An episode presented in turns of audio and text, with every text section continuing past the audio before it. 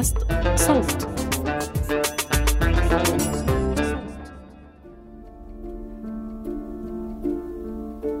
لم نتواصل منذ زمن طويل.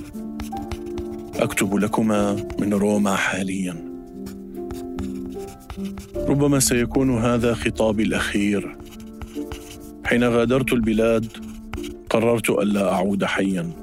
والغريب أنني ما زلت حيا. سامحاني إن لم يكن لدي وقت لأكتب لكما. نحن المقاتلون موتنا المفاجئ أمر طبيعي وجزء من حياتنا اليومية. ولكن حزنكما علي هو أكثر ما يفطر قلبي. ولكن أرجو الا تنسيا ما دفعنا دماءنا ثمنا له. إذا أنهيت عملي فسأعود لأراكما. وداعا. سأحمل معي التميمة وصورة أخي الأكبر المتوفى. تسيوشي 29 مايو أيار 1972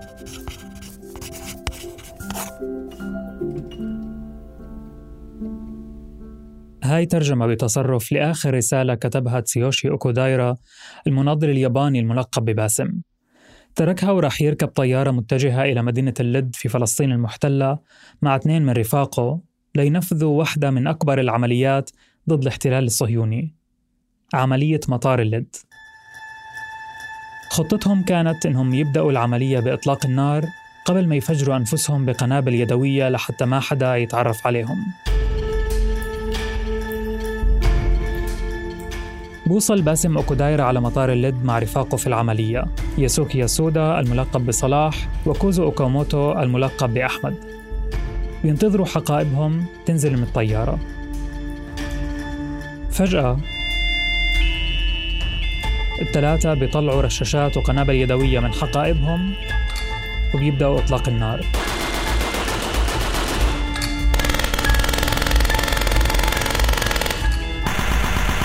يقتل في العملية 26 شخص من بينهم مستوطنين إسرائيليين. على رأسهم العالم بالسلاح البيولوجي الإسرائيلي أهارون كاتزير إضافة لعشرات المصابين. الرصاص بخلص والشرطة بدأت تحوطهم من كل مكان. صلاح يسودا وباسم أوكودايرا بفجروا أنفسهم.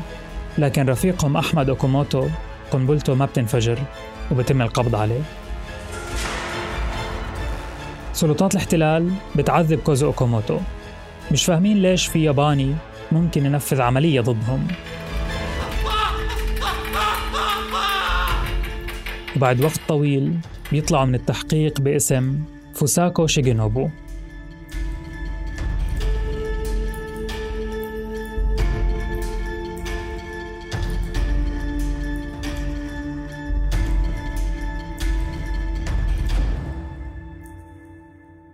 مرحبا أنا محمود الخواجة وهذا بودكاست المستجد.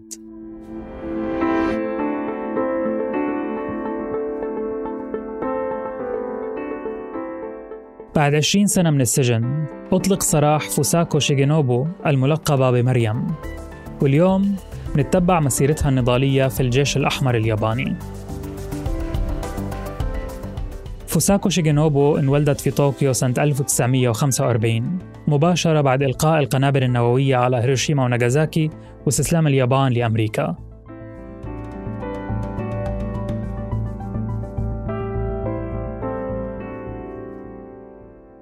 فوساكو كانت من عائلة مستورة واضطرت تشتغل في مصنع مواد غذائية حتى تدخل الجامعة. اشتغلت في النهار وأخذت حصص مسائية في الجامعة بتخصصين اقتصاد سياسي وتاريخ. لكن سنة 66 الحكومة اليابانية رفعت رسوم الجامعات.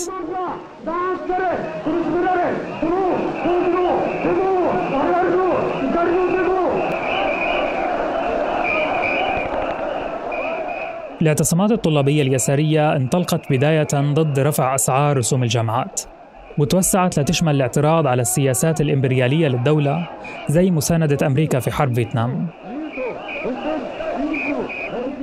الطلاب احتلوا مباني الحرم الجامعي وخيموا في الشوارع وأكلوا ضرب. فوساكو كانت واحدة من الطلاب المعتصمين والتجربة هاي دخلتها إلى ساحة النضال والثورة. بعدها انضمت للحزب الشيوعي الياباني والفصيل العسكري التابع له الجيش الأحمر.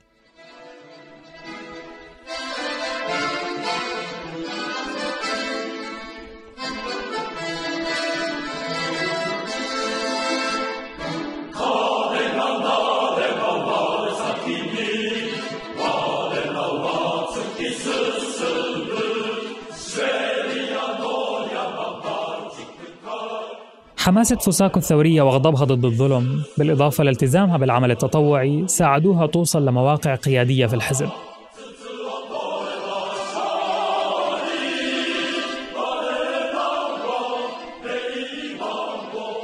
من خلال ذلك تعرفت على تسيوشي أوكودايرا اللي عرفها على القضية الفلسطينية وحست إنه هذا نداءها.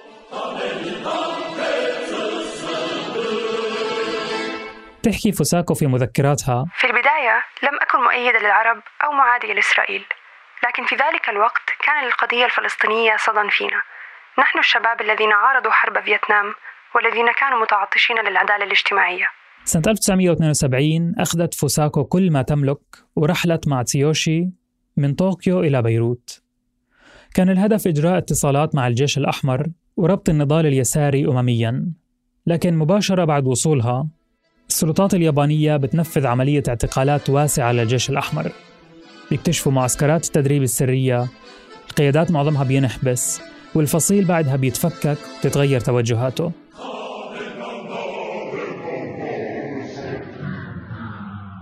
بيوصل الخبر إلى فوساكو في بيروت. بتحزن كتير لكنها بتقرر البقاء. تتوجه فوساكو لمجلة الهدف الناطقة باسم الجبهة الشعبية لتحرير فلسطين وبتشتغل فيها. بتلتقي في مدير تحريرها المناضل والأديب الفلسطيني غسان كنفاني. بمساعدة من غسان ووديع حداد القيادي في الجبهة الشعبية فوساكو بتأسس فصيل جديد بتحمل اسم جديد كمان مريم.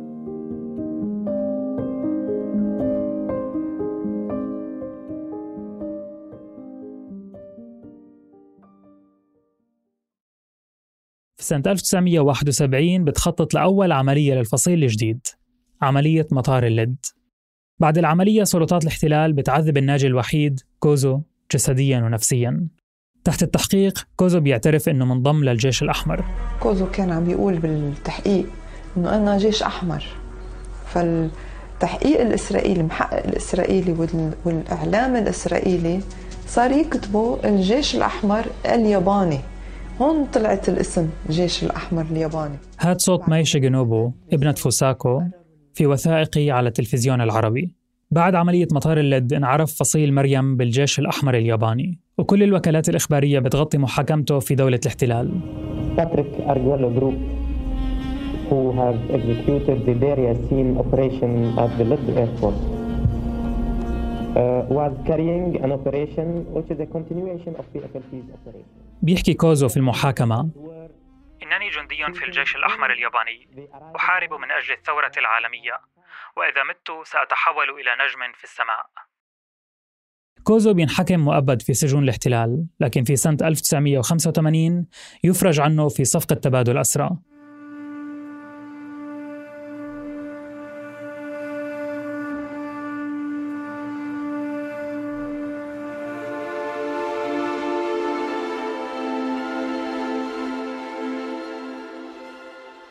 بعد كشف الجيش الأحمر الياباني فوساكو رفاقها بصيروا مطاردين بتتخبى في بيروت تحت أسماء مستعارة لكن ما بتضل وحدها لفترات طويلة.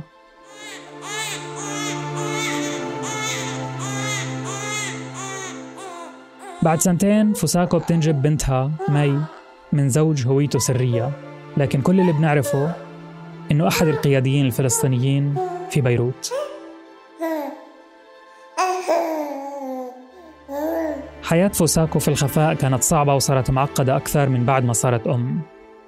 تحكي بنتها مي عن حياتها في هذيك الفترة. كنا مضطرين يعني مثلا ننتقل ننتقل من بيت لبيت. أنا أنتقل من مدرسة لمدرسة. آه، أوقات بظرف سنة أغير مدرسة ثلاث أربع مرات مثلا. آه، وطبعا هيدي بيعني إنه بدي غير اسمي كليا أو أقطع علاقتي مع أصدقائي كليا مثلا. كنا دائما نلعب سيناريوهات. تحضيرا للي بيصير. كان آه، حاملين صورة إلي وإلها بس من ورا يعني متصورين سوا من ورا. هيدي الصورة كانت تعتبر هي الكود السري. في حال صار شيء وبدنا نوصل رسالة للتاني يعني أنا لوالدتي أو والدتي لإلي كل واحد فينا حامل كوبي لهالصورة. فإذا كان الشخص ال يعني المرسال حامل هيدي الصورة معه مع الرسالة معناتها هذا شخص أمنت فيه مثلا الوالدة أو أنا أمنت فيه بهالمكتوب.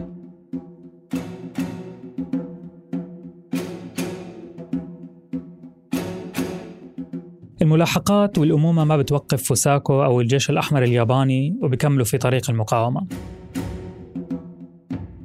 في سنة ال 74 بيقتحموا السفارة الفرنسية في هولندا وبيختطفوا السفير مقابل إطلاق سراح أعضاء معتقلين.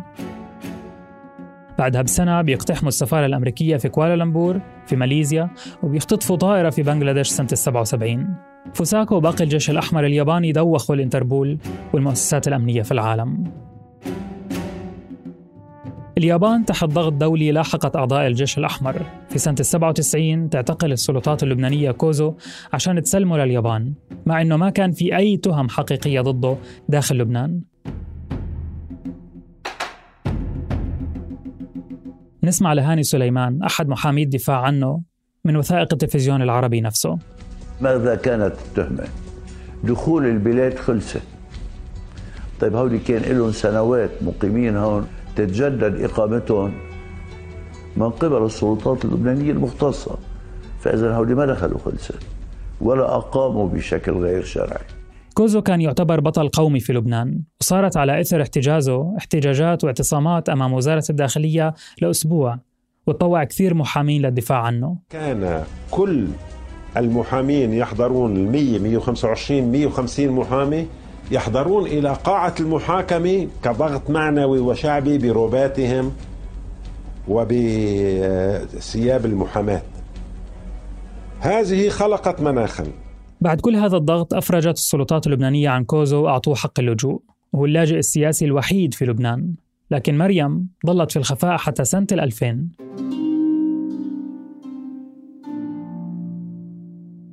السلطات اليابانية استطاعت أنها تعثر على فوساكو في فندق متنكرة بزي رجل تستخدم جواز مزيف. وبعد سنة من السجن وفي أول يوم محكمة أعلنت فوساكو عن حل الجيش الأحمر الياباني. 2001 آه، بأول يوم محاكمة باليابان للوالدة آه، أعلنت حل حل الجيش الأحمر الياباني. بس هو فعليا كان محلول خالص. انعرضت فوساكو على المحكمة بتهمة تزوير جوازات سفر لكن تم إسقاط التهم عنها. بعدها حاولوا محاكمتها بتهمة المشاركة في اقتحام السفارة الفرنسية تحت شهادة زور. استمرت المحكمة لسنوات من 2001 حتى 2006 وما قدر الادعاء يعطي أي دليل ملموس لكنه اعتمد على أقوال مأخوذة من استجوابات أعضاء سابقين في الجيش الأحمر الياباني. رغم كلامهم أنهم تعرضوا للإكراه أو الابتزاز للتوقيع على أقوالهم. في جلسة النطق بالحكم قال القاضي أنه رغم عدم ثبات أي تهمة لا يمكن تجاهل دور فوساكو التنظيمي وكان الحكم بالسجن.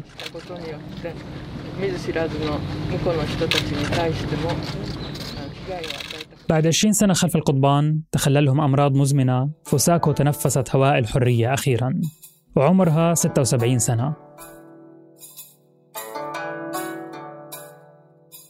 بعد زمن طويل قضت ثلثه استعداد ونمو ثلثه الثاني أفعال ونضال وثلثه الأخير سجن في طوكيو.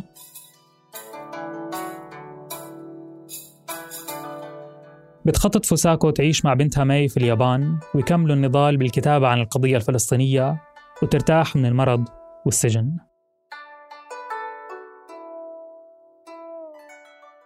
كنت معكم محمود الخواجة من الكتابة محمد علي من التحرير عمر فارس من الهندسة الصوتية يزن قواس. اشتركوا بقناة المستجد وين ما كنتوا عم تسمعوا هاي الحلقة لتوصلكم تنبيهات بالحلقات الجديدة وكمان تنبيهات بفقرتنا المصغرة الأسبوعية المستجد جدا. بودكاست المستجد من إنتاج صوت.